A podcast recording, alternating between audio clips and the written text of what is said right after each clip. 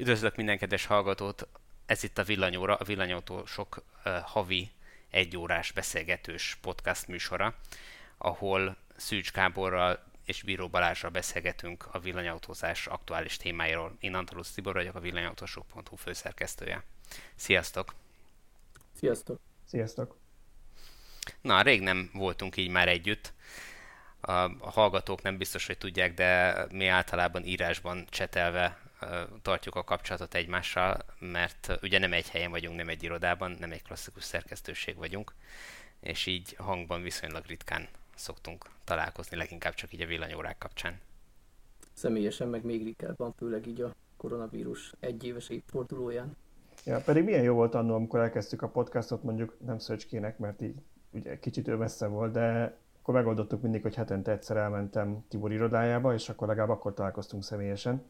Aztán jött a koronavírus, szerintem ilyen, nem is tudom, pár hónapra rá, hogy elkezdtük a podcastot. Igen. És azóta meg telefonon csináljuk.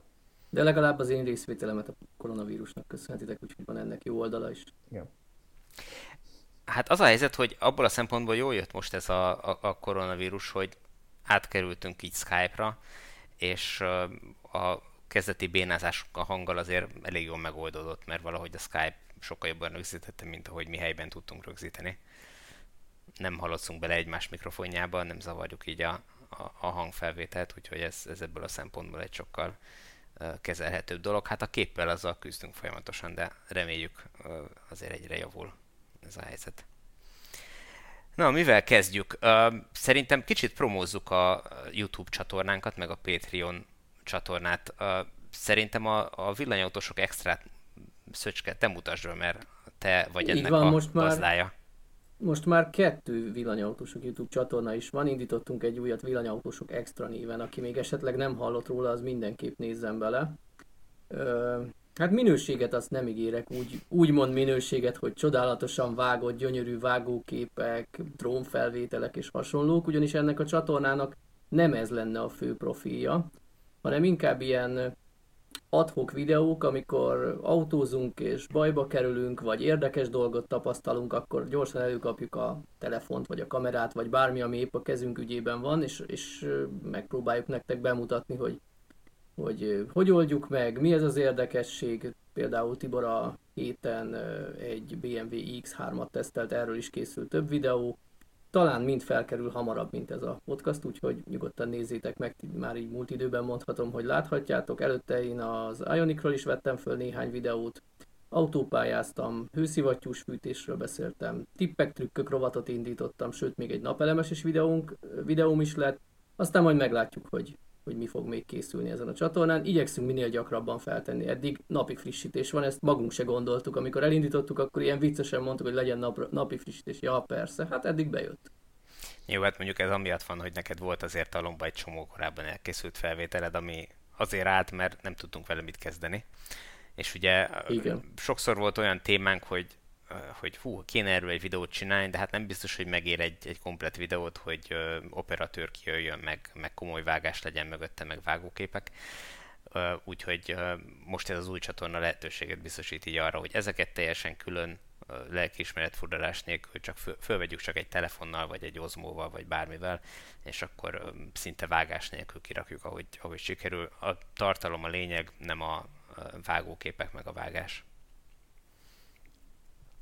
A másik újdonság, ami mostanában történt velünk, az, hogy elindult a Patreon oldalunk, ahol szeretnénk minél több ötöket rávenni, hogy támogassátok a munkánkat, hogyha ha jónak találjátok azt, amit csinálunk, hogy uh, jövőben is folytathassuk, és, és minél több embernek bemutathassuk a villanyautózást. Egyelőre jól indult a csatorna, vagy hát ez a, nem is tudom, csatorna, nem csatorna, ez Patreon felület. Most nem is tudom, hogy hogy állunk, viszonylag sok támogatónk van már, de hogyha itt ti, ha hallgatók, villanyóra hallgatók, nézők még nem csatlakoztatok ott hozzánk, akkor tegyétek meg. A videókat, amiket a, a fő villanyautósok csatornára készítünk, azokat egy nappal hamarabb ott meg tudjátok nézni. És hát eddig ezt még nem mondtuk el senkinek, de hogyha kellően sokan csatlakoztok, akkor, akkor valahogy megpróbáljuk megoldani azt is, hogy hirdetések nélkül tudjátok nézni a villanyautósok.hu felületet. illetve van egy Discord szerver csatorna, nem tudom, nem, nem, nem értek hozzá, hogy ezt minek kell nevezni, aki így ö, számítógépes játékozik, ő biztos tudja, hogy mi ez a Discord, de szerintem a hallgatóink többsége nem, úgyhogy erről mondjuk pár szót. Ez gyakorlatilag egy ilyen chat és audio átviteli felület, tehát egy sokadik alkalmazás, tehát már töltőhöz van a telefonotokon 27 alkalmazás, miért ne lehetne a Skype, Messenger és hasonlók mellett még egy Discord is. Ez azért több, mint egy átlagos Messenger, ilyen ügyesen kezel szobákat, stb., külön voice channelt, meg, meg chat channelt, és a támogatóink hozzáférést kapnak ehhez a szerverhez, illetve az ott lévő chat szobánkhoz, mondjam, igen, így nem is tudom, hogy hívjuk, és én őszintén szóval titkon reménykedek abban, hogy volt ez a régi Google Plus közösség, amit a Google kirántott alólunk, és az így nagyon jó volt, mert valamilyen sok villanyautós ideges, idegenkedett a Facebooktól, nem akartott regisztrálni, de de a Gmail címe volt, és akkor használtuk ezt a Google Plus-t. Aztán megszűnt, és úgy mindig tervben volt, hogy legyen majd valami utódja. Hát ez a Discord, ez bizonyos szempontból lehet utódja, bár ez sokkal pörgősebb. A Google Plus-ban én azt szerettem, hogy ha este ráértem, akkor megnéztem, hogy aznap mi történt itt úgy jobban jelen kell lenni, de azóta már mindenkinek úgyis ott van a mobilján mindenféle applikáció, tehát nem, nem jelent ez problémát.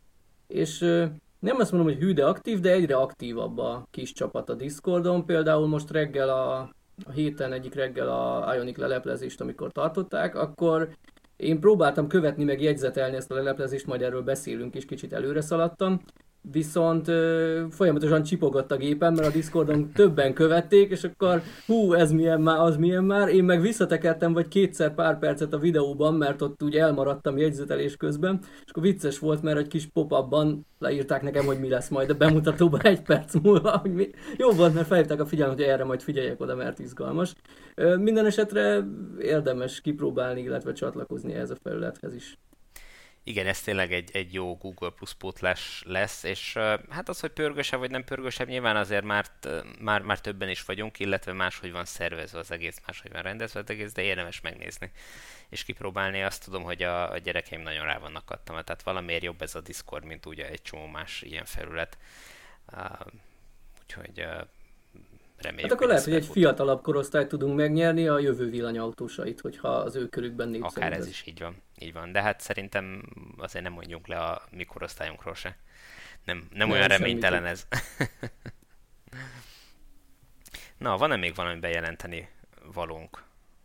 Nézetem a, nézem a jegyzeteimet, és hát még én azt írtam fel, hogy a nagy YouTube csatornánkról se feledkezzünk meg így a, az extra kapcsán, ott hát aki követi, az már láthatta, hogy elindult egy olyan sorozatunk, ami végül is már tavaly elindult egy-két epizóddal, hogy tulajdonosok mondják el, hogy mit szeretnek, vagy mit utálnak a saját elektromos autójukban, és ez bizonyos szempontból sokkal többet tud nyújtani, mint egy, mint egy újságíró által készített teszt, mert az újságíró megkapja max. egy hétre az autót, nyilván amit tud kipróbál, de azért nem tud annyira mélyre ásni az apróságokban, itt viszont olyan tulajdonosokról, olyan tulajdonosok mondják el ezt a 11 negatív és pozitív tulajdonosokat, akik már gyakran évek óta azt a típust használják. Cserében van benne egy kis szubjektivitás, mert egyrészt mindenkinek más fontos, más nem fontos, illetve nyilván, ha valaki egy bizonyos autót vett, akkor ott valószínűleg szereti azt az autót. Ritkán vesznek az emberek mazohizmusból egy típust, úgyhogy kissé elfogult véleményeket is hallhattok, de szerintem ez így van rendjén. Mindenkinek eddig azt vettem észre, hogy nehezebb volt a negatívumokat a saját autójáról felsorolni, mint a pozitív tulajdonságot. Ez talán a videók hosszán is látszik, hogy a, a negatív az pár perccel általában rövidebb. A lényeg, amit ezzel kapcsolatban akartam mondani, hogy az a tervünk, hogy úgy minden hónapban jelenjen meg valamelyik típus. A következő két típusnak a videói már fel is vannak véve, vágás alatt vannak, úgyhogy március-áprilisban már biztos, hogy lesz ilyen videónk. Elszpoilerezzük, hogy mi a következő? Egyébként spoilerezzük el. A Eniro, ugye? Azt, azt beszéltük meg, hogy az Eniro lesz a következő videó. Az azután itt, ami már fel van véve, pedig majd elmondjuk a következő, a következő videóban. Nagyon jó. A másik sorozat, amit elkezdtünk a nagy YouTube csatornán, az a, az, akku val foglalkozik, a villanyautók akkumulátorával foglalkozik, ebből már két, két epizód készült el. A, az elsőben szétszettünk egy litium akkumulátor cellát, a másodikban pedig bemutattuk, hogy a Nissanok esetén hogy cserélik ki modulonként a, az akkumulátor cellákat. Hát ugye itt négy cella van egy modulba csomagolva, és hogy, hogy lehet így feljavítani az akkumulátort, hogyha, hogyha bármelyik modulban, vagy bármelyik cella um, jobban öregedne, vagy, vagy hamarabb tönkre menne, mint a többi. Úgyhogy ezt is mindenképpen érdemes megnézni, és Pataki Dániel, aki segített ott nekünk bemutatni ezt az egész folyamatot, válaszol a videó alatt a föltett kérdésekre. Úgyhogy um, ezzel kapcsolatban meg is említhetjük, hogy én kicsit megijedtem az első néhány kommentnél a Leaf modul cserélnél, mert jött valami olyan, hogy ez egy ilyen vacak autó, ennyi baj, baj van vele. Hát azért ezt én így nem, nem így interpretálnám. Bármelyik autónál, ha bemutatnak, nem tudom, egy dízelnél egy turbócserét, akkor abból azt, azt vonod le, hogy ez egy vacak autó, mert turbót kell cserélni. Nyilván minden autó meg tud hibásodni, meg lehet javítani, illetve meg kell javítani időnként. Ez egy ö, olyan érdekes folyamatot mutat be, amit amit nem lehet látni a sarki autószerelőnél, mert valószínűleg akkumodult még elég kevesen cseréltek, ellentétben nem tudom a dugattyú gyűrűzéssel, amit minden öreg szaki be tud mutatni nektek egy Trabanton. Igen, itt alapvetően az üzenet az, hogy, hogy ha tönkre megy az akkumulátorban egy cella, ugye itt bizonyos akkumulátorban több száz cella is lehet, vagy több ezer is, nem feltétlen kell az egész akkumulátort kidobni, és nem kell a jó akkumulátoroktól is megszabadulni, vagy celláktól is megszabadulni. Elég csak azokat a modulokat kicserélni, amelyikben a hibás akkumulátor cella van, tehát sokkal olcsóbban megúszható az egész folyamat, és nem arról van szó, hogy mondjuk mit tudom, 5 évesen kuka az egész akkumulátor, hanem, hanem egy modul cserével újra frissíteni lehet. És ha már erről beszélünk, szerintem, mert fontos, amit Szöcske megemlített, hogy nem arról van szó, hogy itt naponta kell az autók aksiját cserélni, Szerintem többször beszéltünk már az akkumulátor újrahasznosítás kapcsán arról, hogy a jelenlegi legnagyobb probléma az, hogy nincs elég akkumulátor, amit újra lehetne hasznosítani. Tehát azok a cégek, amik arra szerveződtek, vagy az, az a fő profiljuk, hogy akkumulátorokat hasznosítsanak, jelenleg abból élnek, hogy a nagy akkumulátorgyártóknak a serejkét átveszik, illetve esetleg ezt azt az egy-két autónak a, az akkumulátorát, amelyik mondjuk annyira balesetes, hogy kukázni kellett az egészet. De egyszerűen nincsen annyi tönkrement akkumulátor, hogy így az autók cseréjéből annyi kifutna, hogy, hogy esetleg azt fel tudják használni. Úgyhogy ennyit arról, hogy, hogy mennyire mennek gyorsan tökre az elektromos autók akkumulátorai. Illetve egy nagyon érdekes mozzanat, új felvevő piaca van a nem tudom, karambolos autókból bontott akucelláknak, a napelemes házi energiatárolás. Hogyha ez a bruttó elszámolás bejön a gyakorlatba, akkor még inkább nagy igény lesz, de én már most is azt hallottam, hogy ha valaki az autójában modult szeretne cserélni, és ő ezt így megoldaná házon belül, akkor egyre nehezebb, illetve egyre magasabb áron tud, tud bontott modult szerezni, mert egyszerűen a napelemesek kezdik felvásárolni, rájöttek, hogy ez tök jó nekik. Igen, és ennek a, a sorozatnak a következő epizódja az az lenne, hogy elmegyünk egy akkumulátorgyárba, és megmutatjuk, hogy hogyan készül az akkumulátor de be kell valljam, hogy itt én falakba ütköztem, és, és nem igazán értem, hogy, hogy mi lehet ennek az oka. Uh, beszéltem az SK innovation uh, ott eljutottam relatíve magas szintre, uh, és, uh, és, és az a válasz jött vissza, hogy, hogy nem, még úgyse hajlandók minket fogadni, hogy ők adják a, az anyagot, a videós anyagot, tehát a vágóképekhez való anyagot, és mondjuk egy, egy uh, konferenciaszobában vagy egy vagy tárgyalóban valamelyik mérnökük bemutatja a folyamatot, hogy hogy néz ki.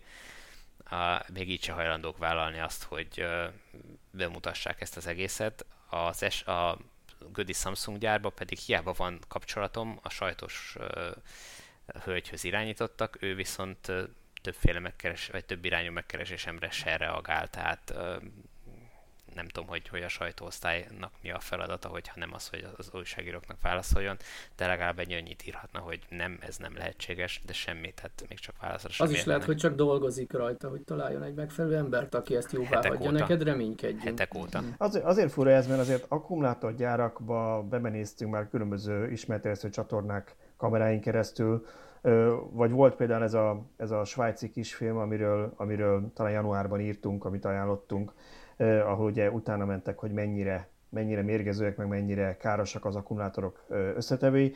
Ott is elmentek egy akkumulátorgyárba, és még a kocsit is bontottak, megnézték. Elmentek szétbontani akkumulátort is, meg gyárba is elmentek, akkor inkább így mondom. És az egy tényleges gyár volt, tehát nem valami kis labor. Szerintem, szerintem ez butasság, mert, mert valószínűleg hát, hogy a versenytársak már pontosan tudják, hogy ők hogy csinálják az akut, már rég vissza van fejtve, vissza van bontva. De ők az elsők, akik megveszik az autót, hogy szétszedjék, hogy mégis mit csinál a másik. Úgyhogy mindegy. Hát remélem, hogy azért sikerül, mert szerintem abszolút jó lett volna ebbe a sorozatban, ha kicsit a színfalak mögé bejutunk mi is. Ezúton is üzenjük meg nekik, hogy mi nem a titkokat, a pontos kémiai összetételt szeretnénk kémkedni, hanem egyszerűen a, az olvasóknak bemutatni, illetve a nézőknek bemutatni azt, nagy vonalakban nyilván az ő szintjükhöz képest nagyon felületesen, hogy hogy működnek ezek a gyárak. Így van, tehát azt a négy-öt lépést kellene bemutassuk, hogy, hogy hogyan áll össze egy ilyen cella, illetve hogy néz ki belülről többféle cella, mert nyilván mi egyfélét bontottunk ki, de nyilván egy ilyen gyárba valószínűleg többfélét is gyártanak. Uh, jó lenne ezt, ezt bemutatni, illetve olyanokkal beszélni, akik, akik olyan kérdésekre is választ tudnak adni, hogy tényleg mi olyan energiaigényes az akkumulátor gyártásban, és hogy mi miatt olyan magas a CO2 kibocsátása, illetve hogy jelenleg aktuálisan, még hogyha számokat nem is mondunk, de hogy a tanulmányokban megjelenthez képest több vagy kevesebb, vagy, vagy, vagy mi a helyzet a, a CO2 kibocsátása, meg az energiaigénye. Hát és ugye az, azért azt tegyük gyorsan hozzá, hogy, hogy ezeknél a tanulmányoknál mindig azt szokott tenni, hogy veszik a, azt a kínai gyárat, ami közvetlenül egy szénerőmű mellé van kötve, még csak véletlenül sem mondjuk Kínának a déli részéről rengeteg a megújuló, azt veszik a tanulmányba egy adatként, és akkor ebből vannak le következtetéseket. A magyar energiamix azért egyébként egészen jó. Nyilván nem olyan, mint mondjuk CO2 szempontjában, nem olyan, mint a francia, ahol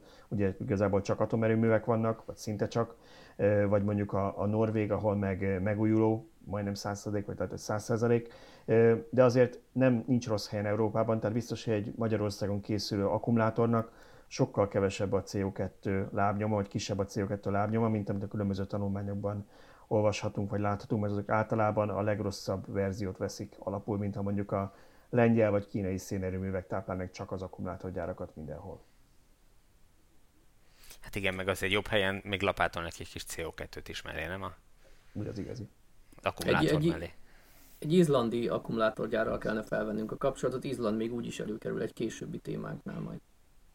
Na, de még maradjunk az akkumulátorgyárnál. Ugye most volt hír, hogy a Gödi gyár bővítéséhez a Samsung jóváhagyott egy, egy pénzt, valami 900 millió dollár körüli összeget, ami nekem azért ütötte meg a fülem így különös, vagy azért álltam meg egy pillanatra az olvasással, hogy mert hogy ez összemérhető össze, összeg azzal, amibe az LG-nek kerül az, hogy a, az Ionicok a, Konák illetve a konákban, elsősorban a konákban, de néhány Ionicban is, de elsősorban a konákban kigyulladnak az akkumulátorok, és úgy döntött a Hyundai, hogy ezeket mind cserélni fogja. Ez valami 82 ezer autó?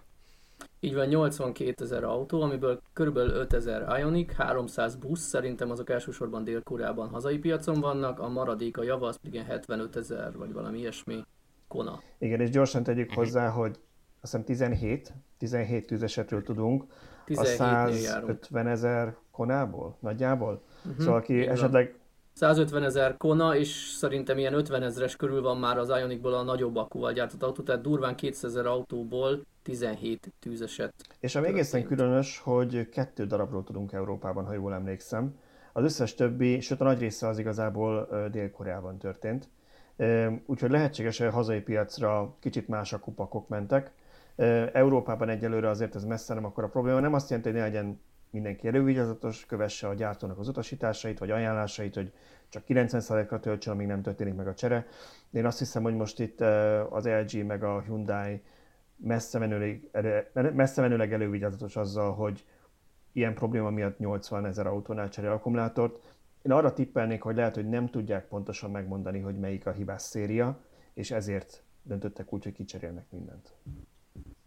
Valószínűleg az autóknak egy töredéke van valóban veszélyben, csak hát a szénakazalban nem tudják így kiszűrni, úgyhogy inkább bevállalták ezt, hogy mindenben akut cserélnek.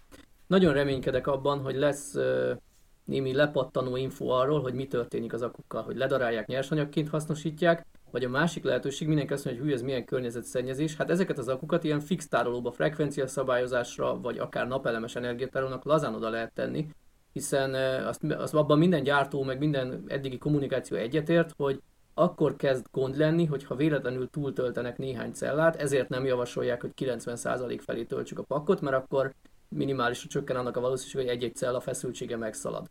Na most egy napelemes energiatárolónál ott nem jelent problémát az, hogy mondjuk még túl biztosítsuk és csak 80%-ig töltsük fel. Egy frekvencia szabályozásnál ott meg ilyen 47 és 53 között szokott mozogni a töltöttség, ezért kb. örök életűek az akuk, tehát ott meg végképp nem. Úgyhogy én, én örömmel hallanék valami ilyen másodlagos életet ezeknek a Igen, szerintem aki amiatt aggódik, hogy ezek az akukkal most mi lesz, azt megnyugtathatjuk, mert ugye megint csak visszautalva arra a kis filmre, amit ajánlottunk, vagy egyszerűen csak a számtalan cikkünkre az újrahasznosítás kapcsán el kell mondani, hogy ezek az akkumulátorok hihetetlenül értékesek. Talán értékesebbek, mint amit az áruk ö, sugalna, mégpedig azért, mert azok a nyersanyagok, amik az akkumulátorgyártáshoz kellenek, már jelen vannak tisztított, koncentrált formában az akkumulátorban. Tehát nem kell őket újra kibányászni, nem kell finomítani, természetesen ki kell nyerni, de ami számokat mi hallottunk különböző cégektől, mindenki ilyen 90% körüli feletti újrahasznosítást céloz meg, vagy már most ott tart, vagy már, már majdnem ott tart. Tehát egész jó arány, azt hiszem ez, ez, ezzel bőven kiegyeznénk, ha mondjuk a műanyagoknak a 90%-át újrahasznosítanánk a világon. Úgyhogy a legrosszabb eset az, hogyha ezt ledarálják nyersanyagnak, akkor is nagyon sok új bányászatot megsporolnak vele mondjuk, meg finomítást, meg egyéb eljárásokat, energiát is. Viszont ennél sokkal jobb az, amit Szöcske mondta, hogy ha ebből mondjuk energiatárolókat csinálnának, ugyanis ennek hatalmas piaca kezd lenni a világon, tehát látjuk, hogy már Amerikában is gázerőműveket váltanak ki akkumulátoros energiatárolókkal, és azért ezek a nagy energiacégek, akik ilyeneket csinálnak, ők nem fillérekkel gurigáznak, tehát ott, ott simán azt mondják lehet, hogy valaki egy az egyben megveszi az LG-nek a készletét, és mondjuk több, több telephelyen lerakja, vagy mondjuk két-három cég összeáll és felvásárolja. Egy nagyon jó hasonlat, vagy nem is tudom, milyen vicces beszólás származik egy minap megjelent cikkünkben, amit a Tesla társ alapítójának a akkufeldolgozó cége, illetve tehát ez a Jimmy Strobel mondta, hogy a, az igazi komoly lítium vagy egyéb nyersanyagbályák azok nem Kongóban vagy Kínában vannak, hanem az amerikai fiókokban, ahol ott hevernek országos vagy nem tudom, földrész szinten millió-milliárd számra a használaton kívüli mobiltelefonok, laptopok és, és hasonlók, amit úgy az ember nem, nincs gusztusa kidobni a háztartási hulladékba, de lusta elvinni egy megfelelő gyűjtőhelyre, ezért szerintem elég sokan vannak, akiknek egy-két mobiltelefon vagy hasonló eszköz hever a fiókjában. Nos, ezek lesznek a jövő Szerintem nincs, akinek, nincs olyan, akinek nincsen a fiókjában, vagy a szekrényében egy-két mobiltelefon. Gyorsan végig gondoltam, szerintem nekem otthon a szekrényben legalább három mobiltelefon van. Ezek általában litium polimer akkumulátorosak, de azokat is ugyanúgy lehet hasznosítani. És egyébként, hogyha már J.B. Straubernek a cégét említetted, annól elmélkedtünk ezen, ha visszagondoltok, hogy ezt miért nem a Tesla keretein belül csinálták meg? Miért kellett kiválnia és külön céget csinálni, miközben ugyanúgy benne maradt szerintem a Teslának valamennyire a kötelékében, tehát nem hagyta el a céget. És én csak arra tudok gondolni, hogy így sokkal nagyobb merítéssel tudnak dolgozni akkumulátorokban, ugyanis nem csak arról van szó, hogy a Teslának a saját aksijait veszik meg, vagy mondjuk egy versenytárs nem akarná eladni nekik, még a selejtet sem, mert ugyan már mire jöhetnek rá, lásd ugye Tibor miért nem jut el az akkumulátorgyárba, hanem így azt lehet mondani, hogy akár mondjuk az amerikai leselejtezett Nissan Leaf aksijait is fel tudja vásárolni ez a cég, aztán pedig a nyersanyagokat nem csak a Teslának, bárki másnak el tudja adni. Hát Így igen, van. és itt, itt azt hiszem, hogy a nyersanyagot, amit a Nissan-tól vett akkumulátorokból nyer ki, azt a Nissannak adja vissza, persze. tehát hogy tulajdonképpen itt egy így van, de egy Teslával nem biztos, hogy örömmel szerződne a Nissan, míg egy külső partnerrel, aki erre szakosodott. Miért és így jövünk megint ahhoz vissza, hogy a méretgazdaságosság megint nagyon fontos, hogy minek után nem mennek tönkre úton útfélen az akkumulátorok, nem éri meg csak arra bazírozni üzleti tervet, hogy mondjuk évente nem tudom én amerikai méretű országban lehet, hogy mondjuk ezer Leaf-et újra tudok hasznosítani, arra nem lehet egy gyárat felépíteni. Jó, nyilván ez lesz azért még sokkal több, tehát amikor 15 éves korúak lesznek a, a Nissan leaf akkor nyilván sokkal nagyobb számban lesznek elérhetők, meg ahogy a, a 10-15 év múlva most piacra kerülő autók már viszonylag nagy számban mennek tönkre, meg karamboloznak, meg, meg mit tudom én, akkor nyilván uh, sokkal nagyobb mennyiségű akkumulátor lesz elérhető, de nyilvánvaló, hogy uh, akkor is jobban járnak, hogyha minden gyártótól fölkészülnek az újrahasznosításra, és több gyártónak is hajlandók eladni uh, nyersanyagokat, mint hogyha csak egy gyártóra és, és ez azért is nagyon fontos, mert ugye többször felszokott merülni a témák között, vagy a kérdések között, akár cikkeink kommentje alatt, hogy honnan lesz ennyi nyersanyag, hogyha az évi most a pandémia mert mondjuk 70, de mondjuk máskor 80-90 millió legyártott autót mind elektromosra cserélnénk, és az mind elektromos lenne, pláne a növekvő akkumulátor méretekkel, mondjuk nem tudom én, átlag 50 vagy 60 kWh aksikkal, honnan lenne ehhez nyersanyag? És itt az fontos megjegyezni, hogy, hogy természetesen főleg az elején kell ehhez nyersanyag. Hála Istennek a lítium egy nagyon gyakori jelen például, tehát azzal nem lesz probléma. Viszont, viszont egy idő után ezek az újrahasznosított akkumulátorok komoly tényező lesz az akkumulátorgyártásban, tehát ezek a nyersanyagok, és sokkal kevesebb új anyagot kell hozzá bányászni, hogy fenntartsuk ezt a gazdaságot.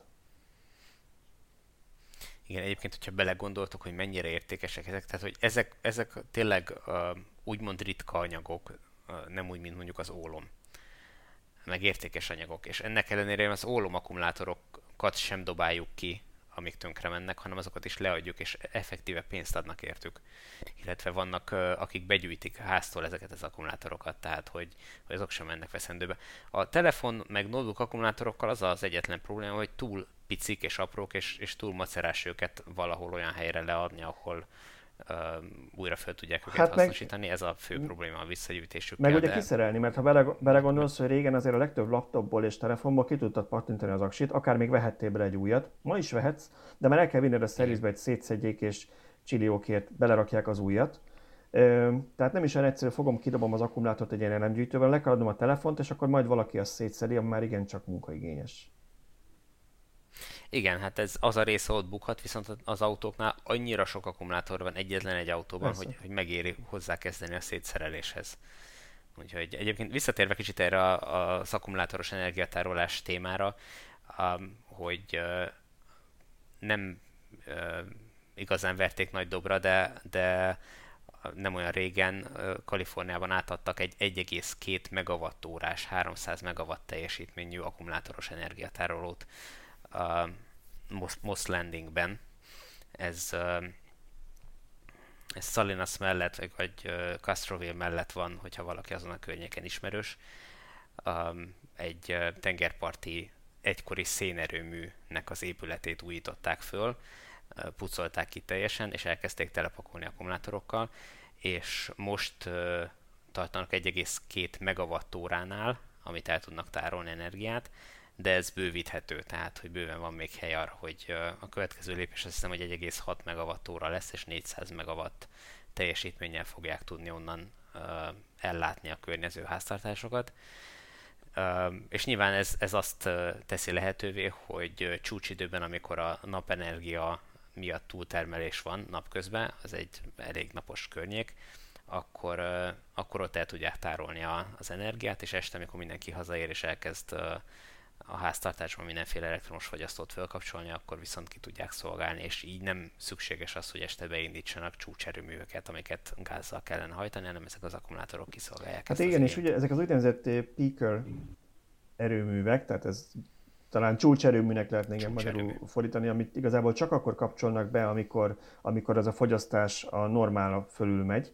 Tehát mondjuk nyáron, meleg napokon, napközben, amikor mindenki dolgozik, az irodák is zakatolnak, plusz a légkondik mennek, pláne egy olyan területen, mint Kalifornia, de szerintem ez nálunk is így van. Tehát ezek aztán azért is méregdrágák, mert ezek nem mennek a nap 24 órájában, ugye bármi beruházás úgy térül meg igazán, ha minél jobban kihasználod. Ezeket meg nem használják olyan nagyon ki, nincsenek egyfolytában üzemeltetve, és ezeknek a kiváltására már most megéri akkumulátorokat használni. Így van. Abszolút, igen. Bár azt hiszem, hogy Magyarországon nem pont így működnek a csúcserőművek, tehát hogy talán olyan erőművek, erőművek vannak beállítva, amik alap szinten is mennek egy valamilyen teljesítménnyel, és amikor uh, csúcsidőben több energiára van szükség, akkor csak föltekerik, tehát itt csak szabályozzák, nem, nem kibekapcsolós erőművek vannak, de aztán meg az is lehet, hogy tévedek, hogyha valakinek erről bővebb információja, pontosabb információja van, akkor írja meg hozzászólásban.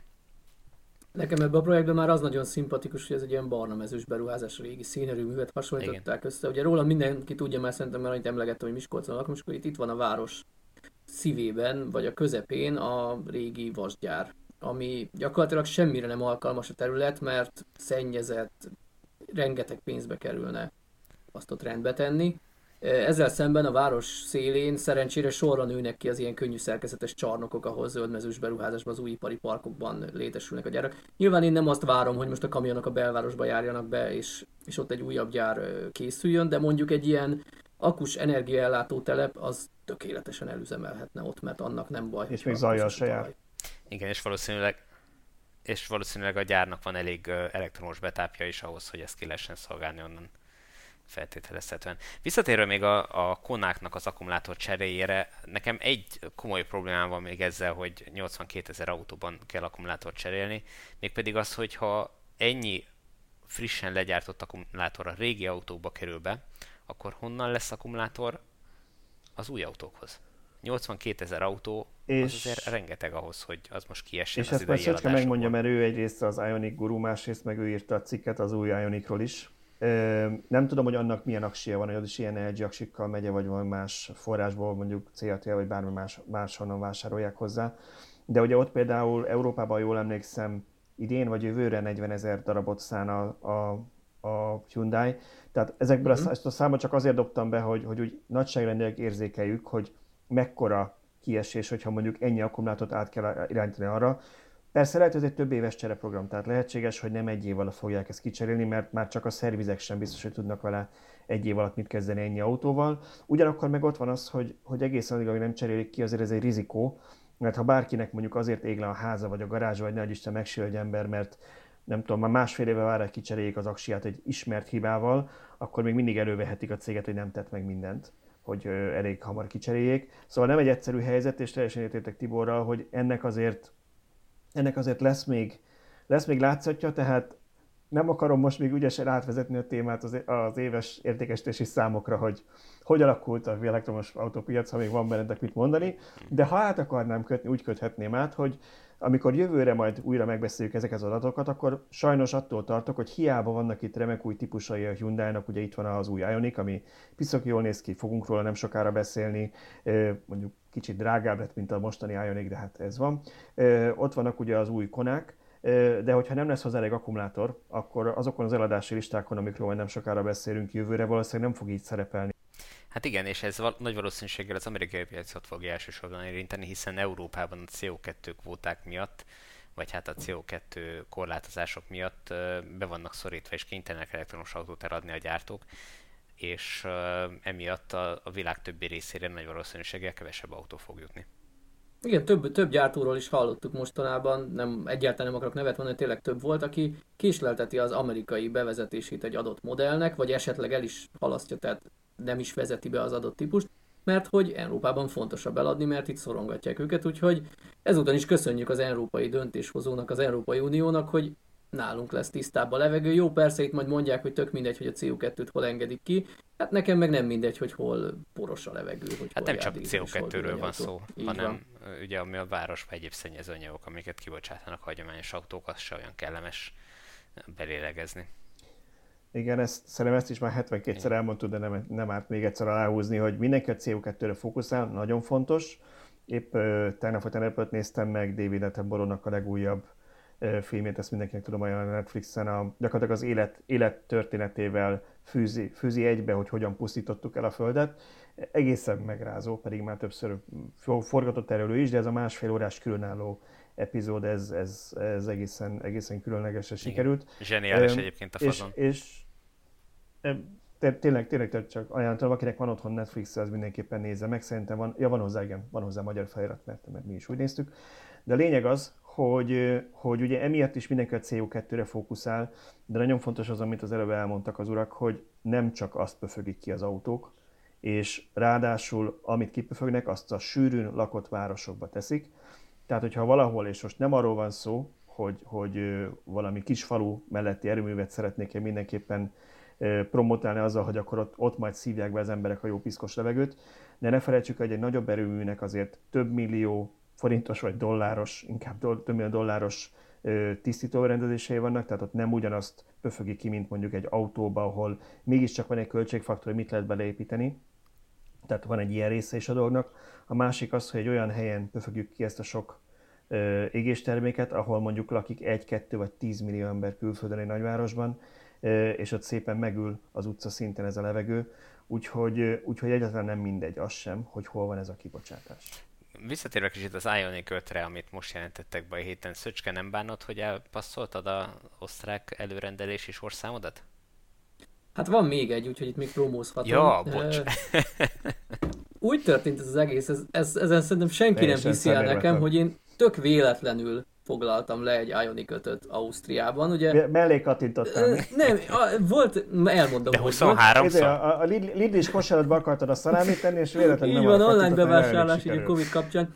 Nem, ugye írtam én erről egy cikket, hogy még decemberben, amikor elindult ez az osztrák előrendelés, és elkezdtem kattingatni az oldalt, hogy hát ha kiderül bármilyen technikai részlet ott már, ami, ami alapvetően nem nyilvános, és kattingattam, kattingattam, és mentem mindig tovább, és azt vártam, hogy a végén lesz egy olyan, hogy megerősítem, hogy igen, akarom. Na, ilyen nem volt, hanem csak jött, hogy köszönjük, rögzítettük az előrendelését, mivel visszamondható, és itt még pénzt sem adtam érte, nem döltem kardomba, vagy nem aggódtam.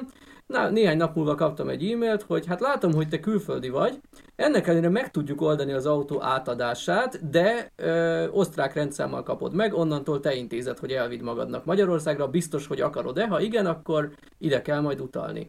Én itt válaszoltam volna éppen, hogy, hogy nem akarom, de valamilyen kommentben az egyik cikkünk alatt írtam erről, mikor rögtön megkeresett valaki, hogy hát ha tényleg nem akarom, akkor ő szívesen átvenni, mert ő szeretné ilyen autót, és, és ő nem, nem foglalta le Ausztriában.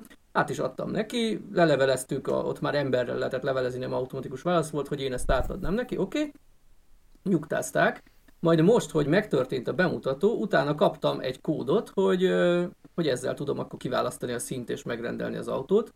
Ezt én továbbítottam ennek az úrnak, hogy valószínűleg ez már téged illet, csak véletlenül én kaptam, mire ő válaszolt, hogy nem, ő is kapott egyet, és nem azonos a kód, tehát valahogy hiba csúszott a rendszerbe, és így lett tényleg két előrendelésem. Tehát ezúttal mondom, hogy ha bárki szeretne Ionic 5 egy kicsivel a magyarok előtt megkapni, és nem gond neki, hogy osztrák rendszámmal kapja, akkor az jelentkezzen, nem szívesen odadom ezt a kódot, és, és ha valóban duplikálták, akkor megrendelheti. Nem kérek semmit, talán esetleg annyit, hogy ha hamarabb kapja meg az autót, mint Magyarországon tesztautó lesz, akkor hagyd nézegessük meg.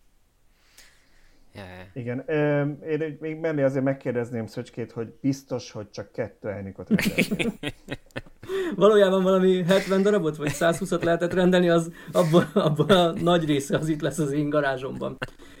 Itt lenne egyébként, ha nem ilyen áron lenne, de kicsit nekem olyan ez az új Ioniq 5, amellett, hogy baromira tetszik az autó, de az árképzéséről a magyar állami támogatási rendszerre asszociálnék, ahol az volt, hogy tök jó, hogy egy 11 milliós autót 8 és félért hazavihetek, de utána három évig marnám magam, hogy nem kértem bele néhány olyan extrát, ami nekem nagyon hiányzik. És az Ioniq 5 pont így vagyok, hogy 15 milliós az alapára, kisebb akú két kerékhajtás, de abból kimarad a VI költülót, kimarad a napelemes tető, kimarad a tologatható középkonzol, egy csomó minden kimarad. És ha megvenném a 15 millióst, akkor marnám magam, hogy, hogy hát nem ezt kellett volna. Na de a 18, 20, 21, 22 milliós az meg már nekem legalábbis nagyon sok nyilván valakinek ez nem probléma. Szóval ez egy, ez egy baromi jó autó, mm, de nagyon nehéz lenne dönteni, hogy, hogy melyik modell, vagy melyik változatért adjunk pénzt.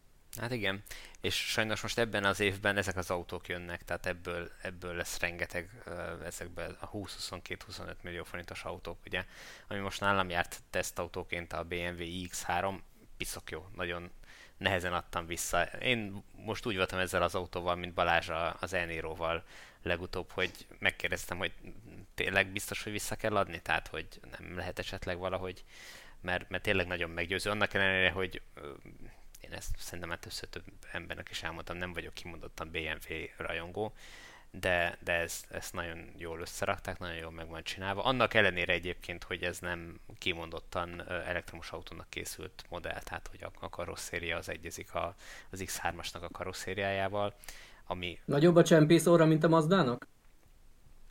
Hát a, az orra az, az körülbelül olyan, mint a, mint a Mazdáé, tehát hogy ugyanúgy, nem tudom, a kétharmada üres a, a, a motortérnek. Ugye hiányzik onnan a klasszikus motor, és nem volt mivel föltölteni. Nagyon-nagyon keveset kellett volna módosítani ahhoz rajta, hogy, hogy egy komplett csomagtartót, egy nagy koffert elnyelő csomagtartót berakjanak oda előre. Ez szerintem egy kihagyott zicser, de a, olvassátok el a, a cikket róla, meg a, nézzétek meg azt a néhány videót, amit készítettem, mert mindenképpen szerintem érdekes. Mondom, nekem az autó nagyon tetszik, tehát hogyha valaki ki tud fizetni 23-25 millió forintot egy ilyen autóért, akkor szerintem bátran megye meg, mert ez, ez teljes értékű autóként használható, tehát nincs nem kell aggódni, nulla és tehát ilyen néhány fokos, nulla fok körüli hőmérsékletben is simán elmegy 250-260 kilométert, úgyhogy autópályán, autópálya tempóban 130-al uh, nyilván lassabban, meg sokkal többet városban, meg aztán végképp, úgyhogy uh, szerintem teljesen rendben van. Szóval te most a BMW-ről beszélsz, csak hogy A BMW-ről beszélek, így van. Mert ugye az Ionic-kal kezdtük, és, és azért akartam ezt kiemelni, mert Ugye ezzel csak az a probléma ezzel az Ioniq árképzéssel, hogy most gyakorlatilag a Hyundai például a BMW-vel fog versenyezni a vásárlókért.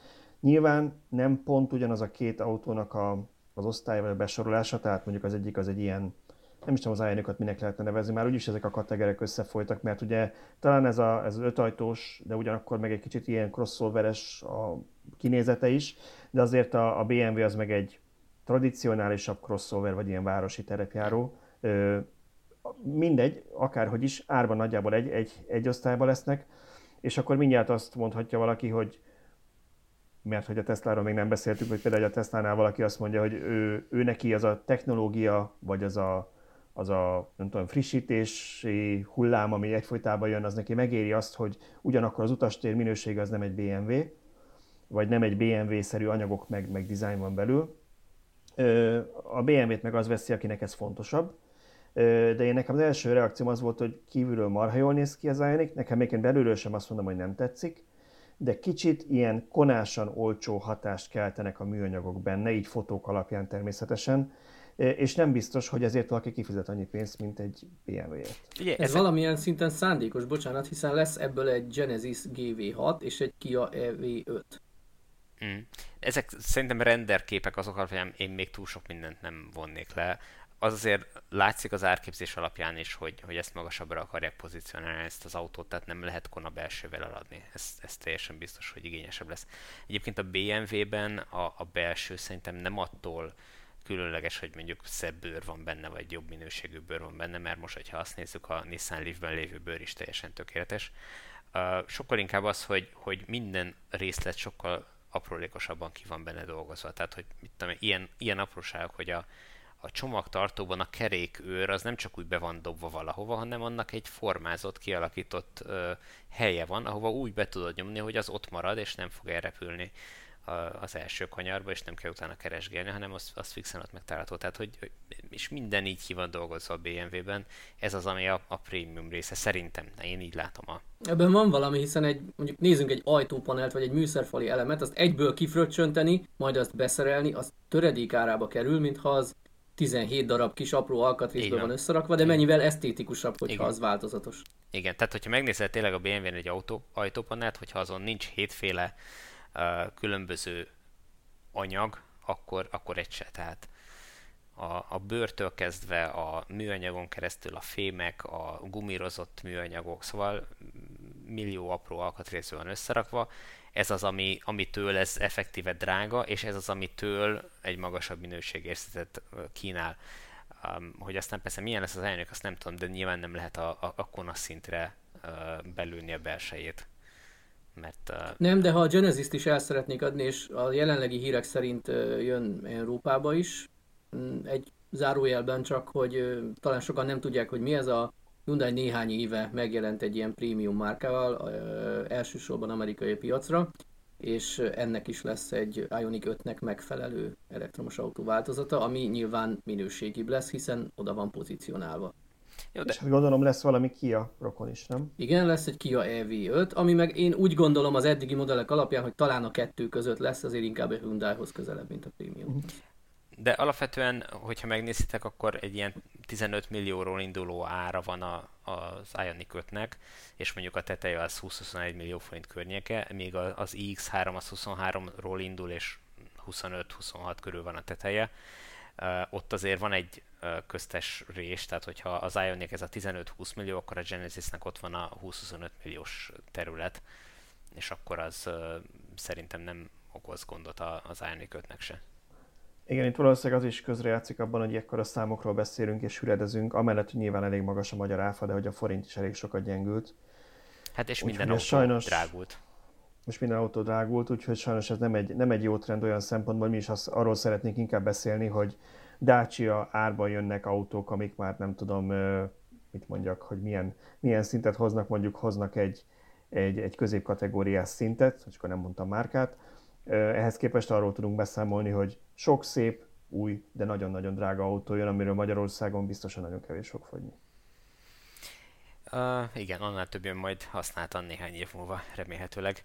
Ugye jön még a, a Model Y, európai gyártásból remélhetőleg, jön a, a Nissan Aria, jön a Skoda Enyaq, jön a ID4, jön a Audi Q4, Q4 e-tron. e-tron. Uh, mi jön még? És igazából hát, egyiket se várjuk ebből 15 millió alá. Hát és ez Nem? egyik se lesz 15 millió, ez, ez szinte teljesen biztos. Igen.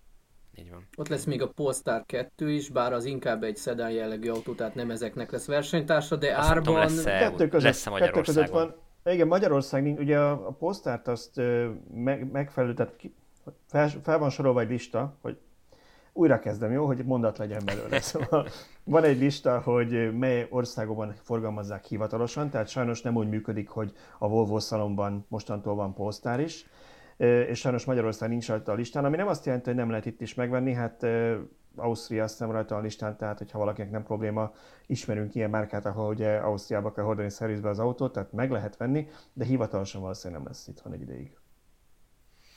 És az előbb a felsoroláson még a Ford Makit hagytam ki. Igen. Az is, ha minden igaz. És ha már polsztározunk, akkor ott lesz egy Volvo XC40, ami azért kisebb, de mégis sokan, sokan nem a mérete miatt fogják ezt az autót megvenni, hanem az alakja, a presztízse, a hatótávja, akármi miatt, és akkor már nyilván versenyezhet az is velük. És árban az is ott van, igen. Igen. Igen, igen. És ha már Audi-ról volt szó, mit szóltak ahhoz a meglátáshoz, hogy a jövőben nem lesznek nagyobb, sőt kisebb akkumulátorok kerülnek az autókba, mert hogy sűrűbb lesz a töltőhálózat, és nem inkább töltögetnek az emberek többet út közben, többet megállnak, mert úgyis hozzászoknak a töltés, lassú töltésekhez, mint hogy egy húzamba hosszabb utakat megtegyenek. Hát nagyon röviden, sarkosan fogalmazva, azt mondanám, hogy ha nekem se lenne cellagyáram, akkor én is ezt mondanám.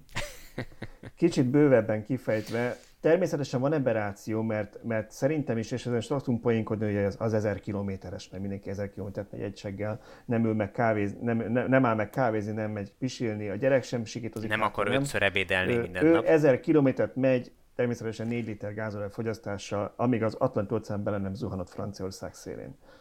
De ettől eltekintve, Természetesen nem kell minden autónak hatalmas akkumulátor, hatalmas hatótáv, főleg ami második autó csak városban használják, vagy ténylegesen, hogy, hogy olcsóbb legyen, simán lesznek jövőben is 40 kWh vagy kisebb akkumulátoros autók, de én abban azért nem hiszek, hogy az emberek általában kényelmesek. Nagyon sok olyan dolgot használunk, meg csinálunk, aminél lenne olcsóbb megoldás, talán környezetbarátabb megoldás is, csak rohadtul kényelmes. Ha már autózás, mondjuk két sarok odébb is az ember autóval megy el, mert, mert nincs kedve sétálni, vagy siet valahova, vagy mit tudom én. Szóval azért nem hiszem, hogy, hogy azt sokan fel fogják adni azt a, azt a szabadságérzetet, hogy ha már tényleg elfogadható árban lesznek nagy akkumulátoros autók, és mondjuk nekem egy nyaralás alkalmával csak mondjuk egyszer kell megállnom tölteni, vagy akár már egyszer sem, és ez nekem nem kerül 50 millió forintomban, hanem mondjuk a 10-15 millió közötti árkategóriában lesznek ilyen autók, akkor nem fogja szerintem, nem fogják tömegek azt mondani, hogy figyelj, nekem nem kell ekkora aksi, én inkább megállok ötször. Azért én ebben nem hiszek. Ez azért van most így, mert kompromisszumot kell kötni, hogy mit tudunk megengedni magunknak, mi a technológiai állása, és ehhez, mérték, e, ehhez mérten választunk magunknak autót. Én kicsit meg kell, hogy védjem az Audinak ezt a nyilatkozatát, az a helyzet. Mm. Tudjátok, milyen autót használok, mekkora akuval? Tudjuk. Talán tudjuk. már mondtam. Ember nincs az országban, aki nem tudja. Én úgy gondolom, hogy ilyen szempontból releváns példa vagyok, mert az én autóm az egy viszonylag jól fogyaszt, de aprócska akku van benne, és ahhoz képest, az akkumérethez képest kifejezetten jól tölt.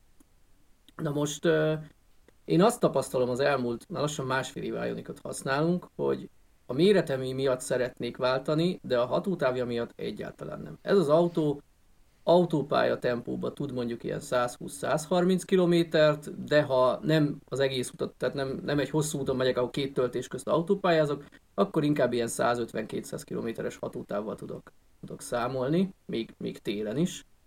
Ö, és én azt tapasztalom, hogy ez úgy nekünk elég. Nyilván nem területi képviselőként dolgozok, aki napi 800-at megy, akkor ez fájna.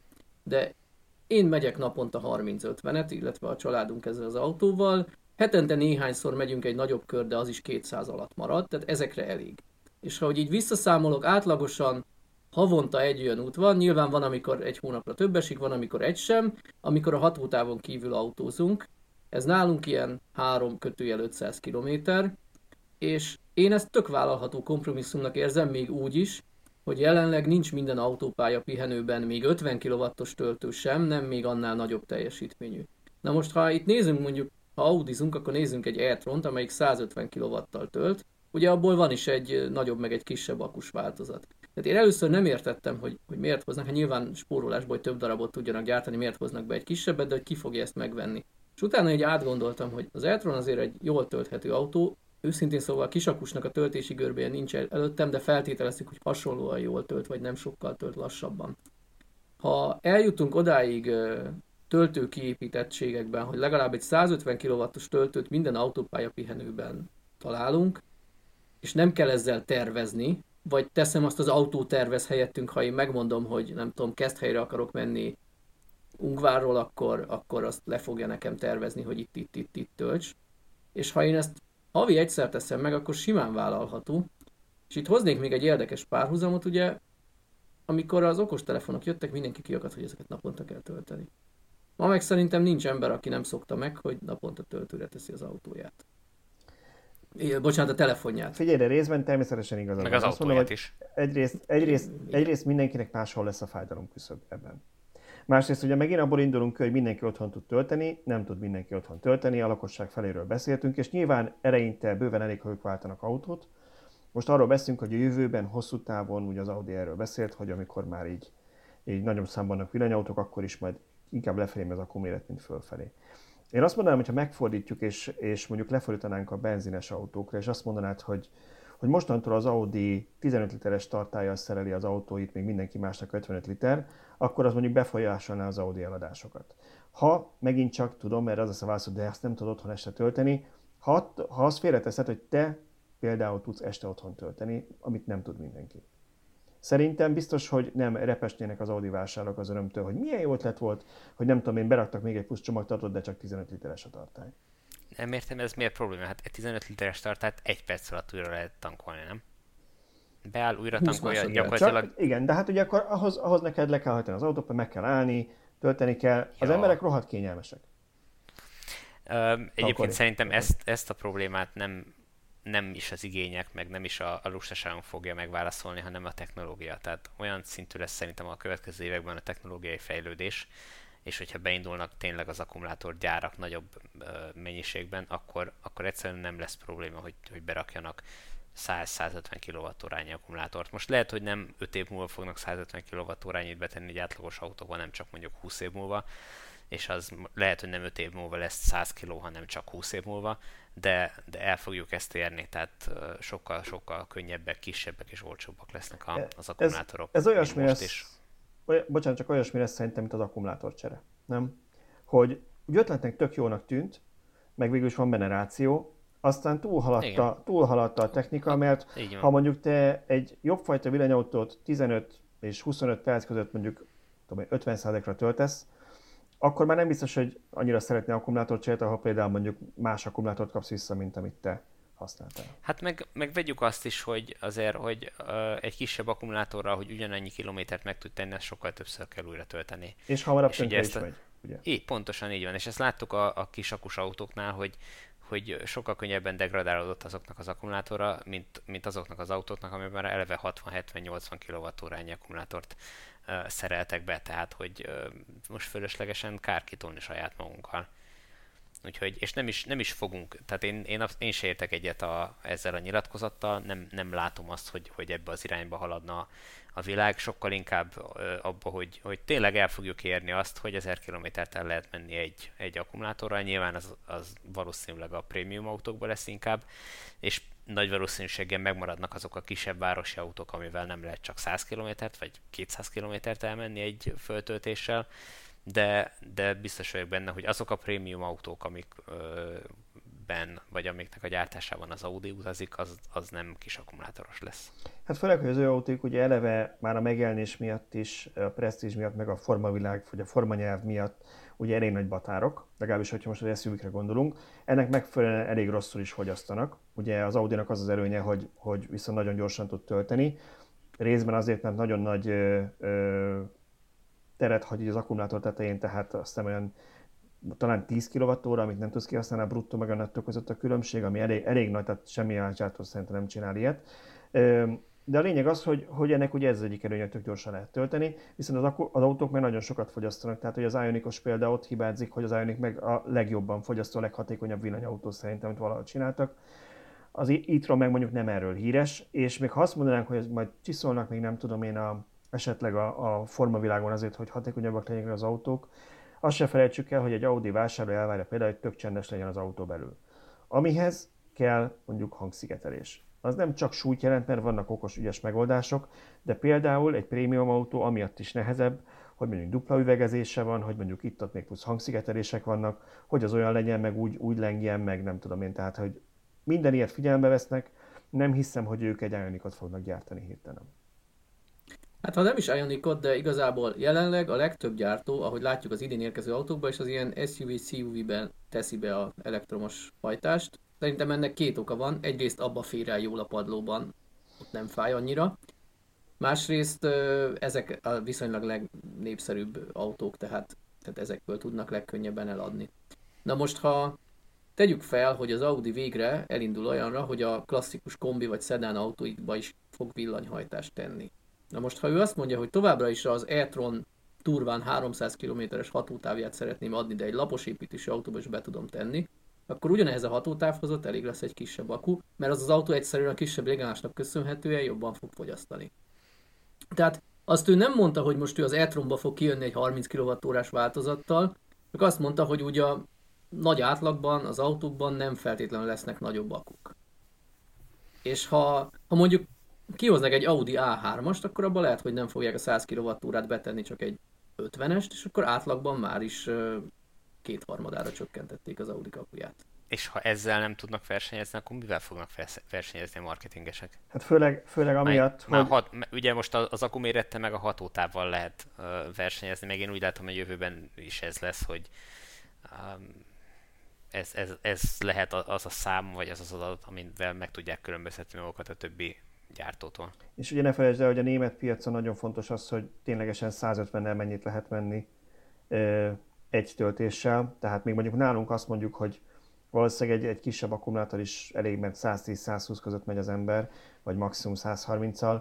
Németországban nagyon sokkal csapatják az autópályán, úgyhogy mindegy, szerintem ez valamilyen szinten akadémikus vita, mert úgyis majd eldönti az élet. Én nem vagyok benne biztos, hogy ezt az Audi vezetői pont úgy gondolták, ahogy mondták, vagy ahogy ez hangzott meglátjuk. Lehet, hogy újságírói belemagyarázásról van szó csak. Hát igen, nem, nem egy az egybe beszélgettünk az Audi vezetővel, úgyhogy még akár ilyen ferdítés is lehet benne. De én nagyon örülnék, ha ilyen A2-es, A3-as Audi is megjelenének. Az most nincs vita ebben. Abszolút. Abszolút, persze. Csak ahogy te is mondtad, ugye manapság uh, inkább ezeket a nagy batárokat keresik az emberek, erre van igény és ezért is tartom fölöslegesnek azt mondani, hogy, hogy most büntessük meg a, a, a nagy autógyártást, és szorítsuk vissza, és vegyen mindenki uh, Dacia, nem tudom, akármit, uh, akármilyen kis autókat. Egyszerűen, ha nem arra van igény, akkor hiába uh, teszik abba az elektromos hajtást, akkor se fogják megvenni, megveszik a uh, dízelhajtással a, a nagy batárokat, és akkor semmit nem értünk el. Úgyhogy... Én azért reménykedek egyébként, ez most nagyon filozófikus lesz egy ilyen átkattanásba is, hogy ugye sokan azért vesznek nagy batárt, mert milyen jól átlátom a forgalmat és biztonságérzetet ad. Na most onnantól, hogy mindenki, és ugye eltelik egy 15 év az első batárok múlva, és akkor már tényleg a régi autók is lecserélődnek, mindenki ilyennel fog járni, onnantól ez az előny elvész, és marad az a hátrány, hogy nem tudok parkolni, mert a parkolóhelyeket nem növeltük meg. És akkor az lesz, hogy jé, a, nem tudom, a akármelyik ismerősöm milyen könnyedén tud parkolni, mert neki valamiért egy kisebb autó van. Hm, lehet, hogy nekem is olyat kéne venni, és talán elindulunk ebbe az irányba. Hát, a remény hal meg utoljára. Én, én ezt egyelőre nem látom. Tehát nem, nem csak amiatt vesznek a, a, az emberek szerintem ilyen nagy batárokat, mert hogy jobban kilátnak belőle, hanem amiatt is, mert hogy a szomszédnak is ilyen van, és, és a méret a lényeg. Meg ad egy biztonságérzetet. Hát épp ezért. én, ezt, én ezt Amerikában tapasztaltam meg nagyon, amikor, amikor emlékszem a legelső amikor autót béreltem, akkor hát én nem fogok egy ilyen tankkal közlekedni. Úgyhogy szépen, szépen egy ilyen európai méretű autót ö, béreltem, aminek az lett a vége, hogy úgy éreztem az autópályán, hogy pillanatokat össze fognak taposni engem, mert mindenki ilyen S150-es batárokkal járkált.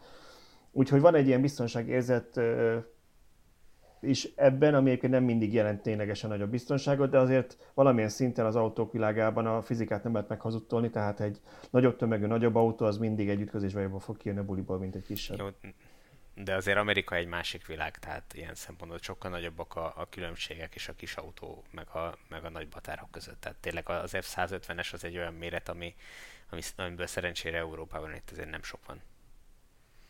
Úgyhogy, viszont ha már így a Európa meg Amerika visszakanyarodjunk arra a témára, amit már az elején pedzegettél, hogy eladási adatok? Kanyarodjunk vissza az eladási Nézzük. adatokra. Nézzük hogy is volt, hogy nem lesz, nem lesz az Ionicba elég akku, mert a konába kell. Ja, tényleg ott volt egy ilyen felvetésed, amit még így megválaszolnék, hát ha mást is érdekel, hogy nem, váltani fog a, uh-huh. a Hyundai, nem LG akuk, hogy van-e közelhez a balhéhoz, vagy nincs, azt, azt nem tudjuk, de az SK-val és a CATL-lel kötött szerződést a következő évekre. Úgyhogy valószínűleg az Ionicba fog jutni, hiszen arra ő már leszerződött egy másik beszállítóval, hogy most az LG honnan fogja kipréselni ezeket a cserélendő akukat, mert tök mindegy, hogy kifizeti, de legyártani az LG-nek kell, az már egy másik izgalmasabb történet. De, de az Ionicból nem lesz rengeteg, mert ahogy mondtad, 70 ezret terveznek idén gyártani, 100 ezret jövőre, aztán nem tudom mennyire akarják felpörgetni, aminek körülbelül 40%-át ígérik Európába szállítani, tehát idén egy ilyen szűk 30, jövőre egy 40 ezer darab kerülhet ide belőle, és jól el is vittem félre a témát, szóval ott jártunk, hogy, hogy hogy állnak az eladások. Szerintem kezdjük a, a globális számokkal, aztán majd visszajövünk Európába. Nem szeretném nagyon sok számot pufogtatni, mert azt szerintem főleg a, a podcast hallgatók nem fogják élvezni, mert még a YouTube-ra be tudjuk vágni a grafikonokat, úgyhogy ígérem nem lesz ebből nagyon sok. Csak hogy mégis az érzékeltetés véget, mert mégis egy pillanatra kitekintünk így az villanyautókon túl. Csak az irányokat, az irányokat nézzük, meg, meg a kitekintünk a villanyautókon túl, akkor azt látjuk ugye, hogy a koronavírus miatt igencsak megsínette az autópiac a 2020-at. Ha 2020-as számokról beszélek, azt mindig hozzáteszem, hogy egy pici változás mindig lehet évközben, ezek ilyen erőzetes adatok, de amit most látunk az az, hogy 2000 17-19 között, vagy azt mondanám inkább, hogy ilyen 16 és 19 között, ilyen 77-78-79 millió új személyautó kelt el a világon évente, ehhez képest tavaly 63 millió, vagy közel 64. Tehát elég, az elég jelentős visszaesés. Az durva visszaesés. Hát az majdnem 20 Igen, és, és egyébként az évközben, ha még emlékeztek rá, sokkal rosszabbul nézett ki, tehát évközben, amikor így második, meg harmadik, negyedik év környékén néztük ezeket a grafikonokat, én azt láttam, hogy volt olyan márka, ami 50% mínusznál tartott, de nagyon 30 alatt egyet se láttál, vagy 20 alatt. Úgyhogy ez innen jött mhm. vissza, hogy ez nem sokkal rosszabb, az annak köszönhető, hogy ősszel kicsit újra beindult a piac, és ugye a, bár jött a koronavírus következő hulláma, de már nem zárták le úgy az országokat, mint korábban, ezért, a, ezért az autópiac sem esett annyira vissza. Na ennyit így általánosságban, csak hogy ezt így mindenki úgy tartsa észben, mert nyilván, hogy arról beszélünk, hogy, hogy mennyit változott a villanyautók eladása, és azt nézzük, hogy az arányuk mennyit nőtt, akkor azért azt nem lehet elhallgatni, hogy minek után például, ugye, erre azt Tiba nem tette, Európában muszáj volt villanyautókat tolni a gyártónak, ha nem akarta nagy büntetést fizetni. Így arányaiban nagyobbat ugrottak a villanyautók most, mint hogyha egy normál év lett volna.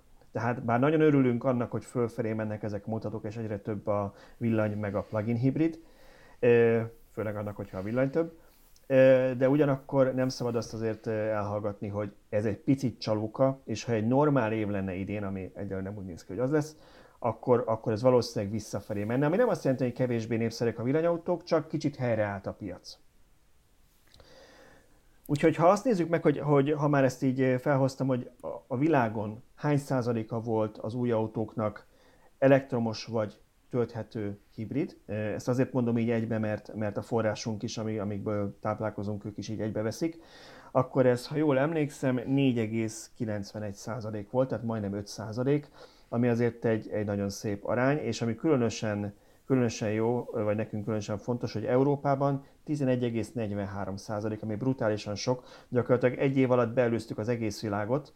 Ugye előző évben Európa még 3,57 százalékkal volt, most 11,43-mal mindenki előugrottunk, és azért ebben még, megint, megint elmondom, jócskán benne van az EU politikája, tehát hogy itt muszáj volt a villanyatokat tolni hatodik haszakad, míg a belső égésűek visszaestek. Egy, csak egy kérdés, vagy egy felvetés. Mi van akkor, hogyha ha tavaly azért csökkent jelentősen a hagyományos autóknak az értékesítése, mert mondjuk különböző trükkökkel áttolták idénre az átadását azoknak az autóknak, hogy ne rontsák a tavalyi mérleget. Most tényleg erről beszéljek, Tibor? Nem tudom, hát most ez csak egy felvetés. Nem, ez, ez... Ez, azért, azért nevetünk ezen, mert, mert, mert azért szoktunk beszélgetni, hogy az a különböző autógyártók ezekkel hogy trükköznek. Tudjuk, hogy vannak gyártók, akik igyekeznek nagyon sok autót még, még év végén beregisztrálni, ha kell a saját kereskedéseiket, hogyha kell akkor a partnereiket, vagy a saját flottájukat gazdagítják ezzel, hogy aztán majd még, még új autóként, ugye 6 hónap, 6000 km alatt eladják mondjuk januárba, februárba, és jó pár márkánál láttuk, hogy hirtelen megugrott olyan autóknál, ami hiány, meg, meg hónapokat kell várni, hirtelen rengeteg van a használt piacon 0 kilométeres most januárban. Nem kell ezen meglepődni, ezt sok gyártó meglépte, az EU meg azt mondta, hogy ez így oké, okay, úgyhogy innentől kezdve nem követtek el bűnt vagy bűncselekményt. Maximum kicsit, hogy mondjam, módján kell kezelni azokat a győzelmi jelentéseket, amiket évvégén hallottunk tőlük, hogy ők mennyi autót adtak el, mert abnak egy részét, egy jelentős részét némelyik van, amelyik 30%-ot is saját magának adott el. Itt az elektromos autókról beszélünk. Elektromos autókról, igen. Nem, igen. Ami, amit, amit én vetettem fel az, hogy, hogy a másik oldalon meg visszatartották, most ez csak egy felvetés, nem tudom, hogy így uh-huh. volt-e, de hogy, hogy lehet, hogy visszatartották a, a hagyományos autókat, és emiatt volt azoknak alacsonyabb a, az értékesítése, és uh, idén meg uh, amiatt fog esetleg visszaemelkedni, mert hogy egyébként kénytelenek eladni azokat az autókat. Az biztos, hogy ment a sakkozás az év vége felé, tehát hogy valahogy tartani kell azt az arányt, hogy ne legyen nagyon-nagyon sok a büntetés, ezért lehetséges, simán benne lehet, hogy némelyik belső és a motoros autók nem annyira tolták, vagy inkább igyekeztek az embereknek azt mondani, hát várni kell rá, majd februárban lesz, azért, hogy, hogy ne kelljen túl nagy büntetés fizetni, és az, és az elektromos arány fejebb menjen, vagy magasabb legyen, minden lehet. Végül is ajándéklónak ne nézze a fogát, tehát azt lehet mondani, hogy tavaly elkelt több mint 3 millió elektromos és tölthető hibrid a világon, ami, ami gyakorlatilag 50%-os növekedés majdnem az előző évéhez képest, úgyhogy szerintem örüljünk annak, hogy ez a trend e, így folytatódik, és reméljük, hogy, hogy 2021-ben is hasonlóról tudunk beszámolni. E, Szerintem még egy dolog, amit, amit már egyszer valaki megfedett érte, hogy összemossuk ezt a két kategóriát, a, a tölthető hibridet, meg a, meg a, meg a tisztán elektromosat. Nagyon nehéz olyan statisztikát találni, ami ezt szétszedi. Mert pontosan azért, mert a kreditrendszerek miatt bizonyos számú kreditet érnek a tölthető hibridek is, általában az autógyártók is egyben jelentik le ezeket a számokat. Aztán persze van egy-két elvetemült, aki végig böngészi a regisztrációs adatbázisokat Európában, meg a világon mindenhol, de hát ez, ez nem januárra vannak meg ezek az adatok, ez hónapokig tart ez a munka. Most azt látjuk egyébként, hogy tavaly ebből a 3 millió 100 ezerből 31% volt a tölthető hibrid, és 69% volt a tisztán elektromos, úgyhogy azért a kétharmada az ennek tisztán elektromos volt. Innen azért elég jól ki lehet számolni. Nyilván nem darabra, de azért ilyen nagyságrendű. Hát igen, ilyen két millió, egy millió volt nagyjából az arány, igen. Igen, és ezért ez jó jel, hogy annak ellenére, hogy ugye vonzónak tűnnek a plugin hibridek, nyilván amiatt a biztonság miatt, amit a hagyományos bennük lévő motor ad, ennek ellenére az emberek nem dőlnek bennek, és nem, nem veszik ezeket az autókat, hanem inkább, hogyha váltanak, akkor inkább már tisztán elektromosra váltanak. Igen, én egyébként nem lepődnék meg, aztán majd lehet, hogy jót nevetnek rajta, mert valaki megtalálja két év ezt a felvételt. Nem lepődnék meg, hogyha ez az arány kicsit megfordulna a következő években, és esetleg ugye az egész piac nőne, de a plugin hibridek aránya nőne, a, a, még jobban nőne a teljesen elektromosokhoz képest. Egyszerűen azért, mert simán teljesen hagyományos belső égésűből egyre kevesebbet fognak tudni adni a gyártók pontosan az előírások miatt, ezért szinte minden modelljükből most már kínálnak, meg fognak kínálni valamilyen fajta hibridet, és, és valószínűleg emiatt a plug-in hibridek száma szerintem nőni fog. Valószínűleg nagyobb mértékben fog nőni, mint ahogy visszaszorulnak úgy unblock az elektro- a, a belső égésű motoros autók. De ez nem azt jelenti, még egyszer mondom, hogy hirtelen megfordult valami globális trend, és mégsem villanyotokat akarják az emberek. Egyszerűen arról van szó, hogy átmeneti időszakot élünk, amikor a gyártók is sakkoznak, és valószínűleg a hagyományos benzines, meg leginkább a dízel egyébként. Tehát én azt néztem a statisztikákon, eh, már nem tértem ki az írásban, de azt néztem, hogy, hogy a dízel sínlette meg leginkább. Tehát az már ilyen 10-20% közöttire esett vissza Európába több helyen. Eh, ahhoz Igen, képest nyugat... 50% körül volt még pár éve. Igen, Nyugat-Európában nagyon nem, nem divat már a dízel, tehát uh, nem, nem, nem cool dolog új autóként dízelt venni. Úgyhogy aki teheti, az vagy benzines vesz, vagy tényleg, vagy, vagy hibridet, vagy pedig plug-in hibrid, vagy elektromos verziót, tehát hogy uh, inkább már ebbe az irányba tolódik.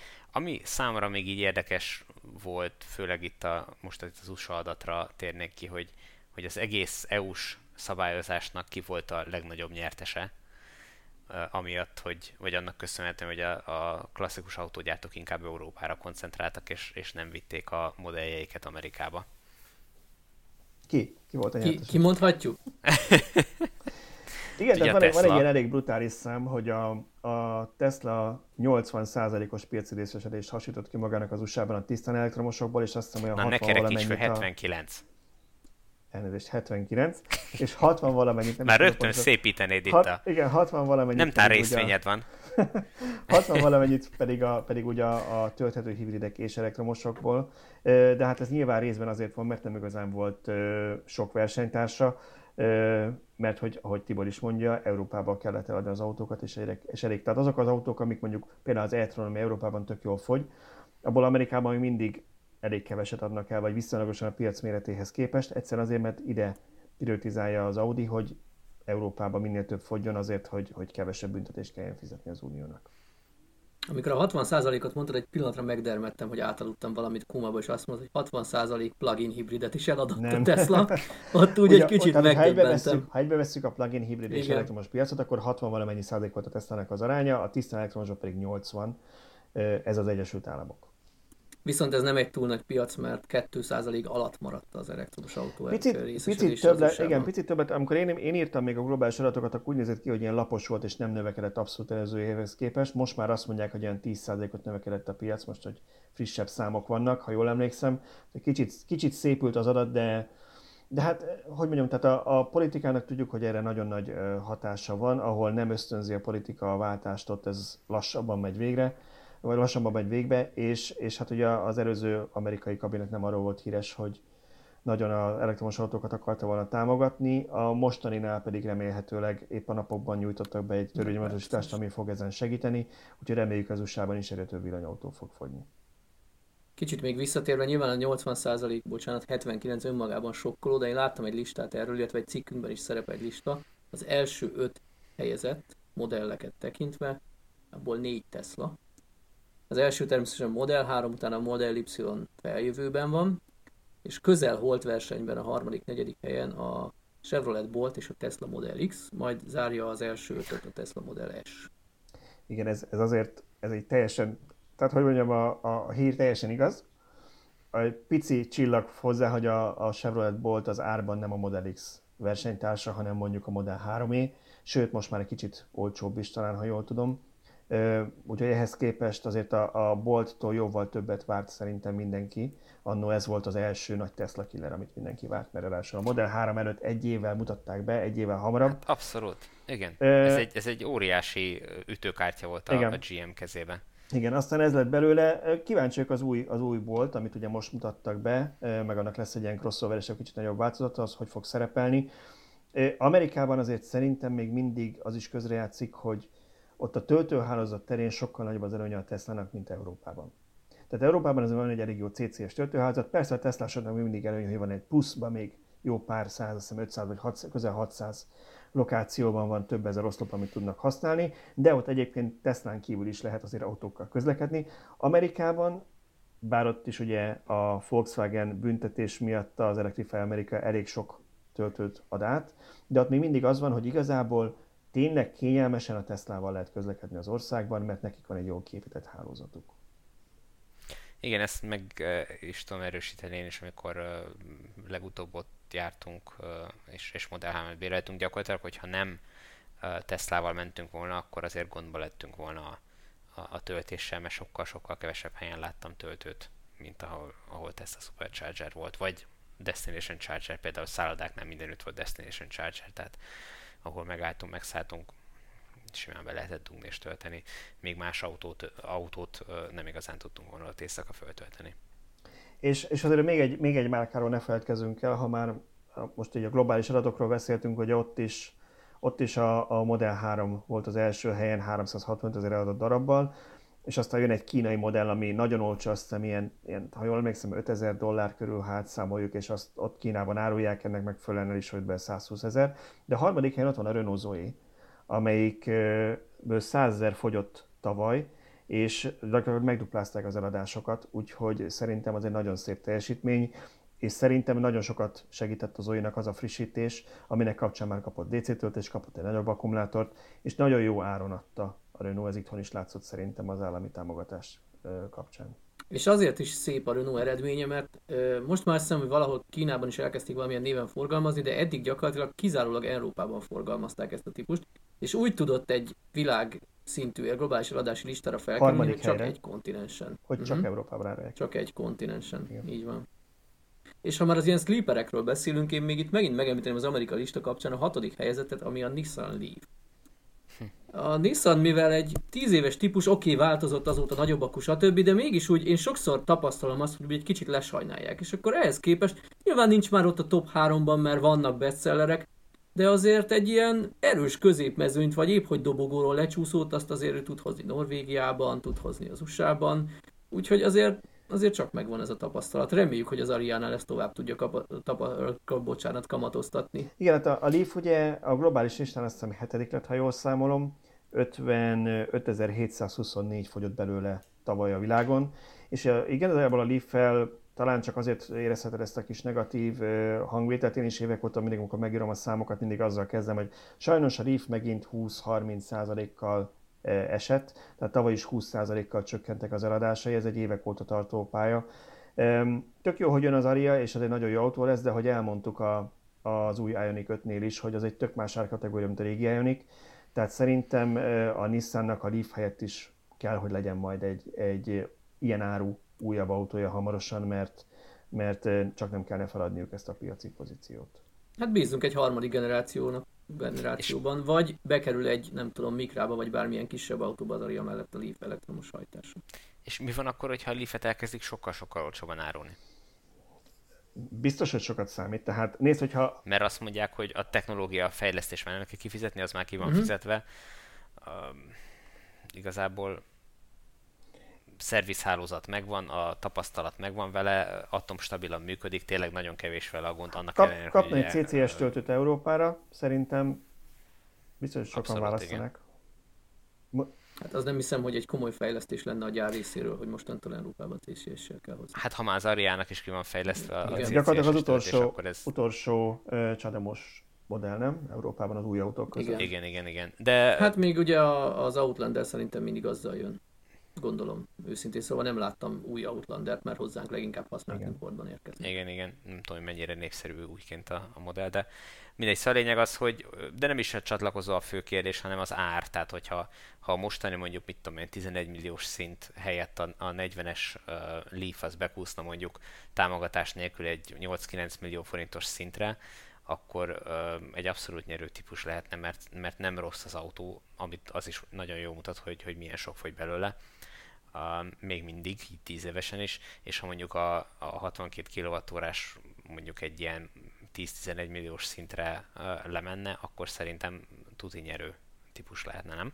Szerintem van, lenne benne potenciál kérdés, hogy a Nissan meg tudja ezt lépni anyagilag. Hát én úgy gondolom, hogy mivel az akkumulátor árak mennek lefele folyamatosan, a fejlesztés már, fejlesztésre már nem kell költsenek, nem, nem kéne, hogy ez gond legyen.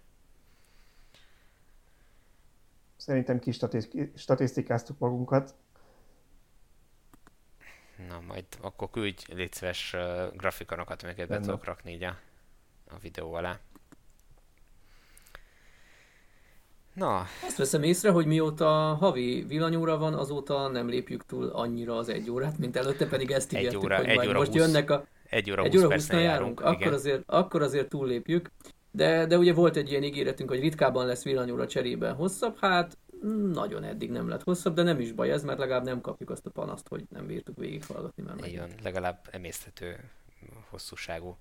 Na, urak, köszönöm szépen, hogy uh, erre szántátok most is a csütörtök estéteket, akkor holnapra ez, ez az adás ez kimegy. A villanyóra egy hónap múlva fog újra jelentkezni, és uh, ugyan most kimaradt februárban a, a köztes interjúadás, de uh, van két jelöltem is márciusra, úgyhogy nagy valószínűséggel márciusban uh, ezt meg fogjuk tudni ejteni. Uh, még nem árulom el, mert nem szerveztem, még nincs véglegesítve a dolog, de, de két érdekes, uh, izgalmas beszélgetés is van így a fejemben, úgyhogy ha valamelyiket sikerül leszervezni, akkor, akkor ezt mindenképpen megejtjük.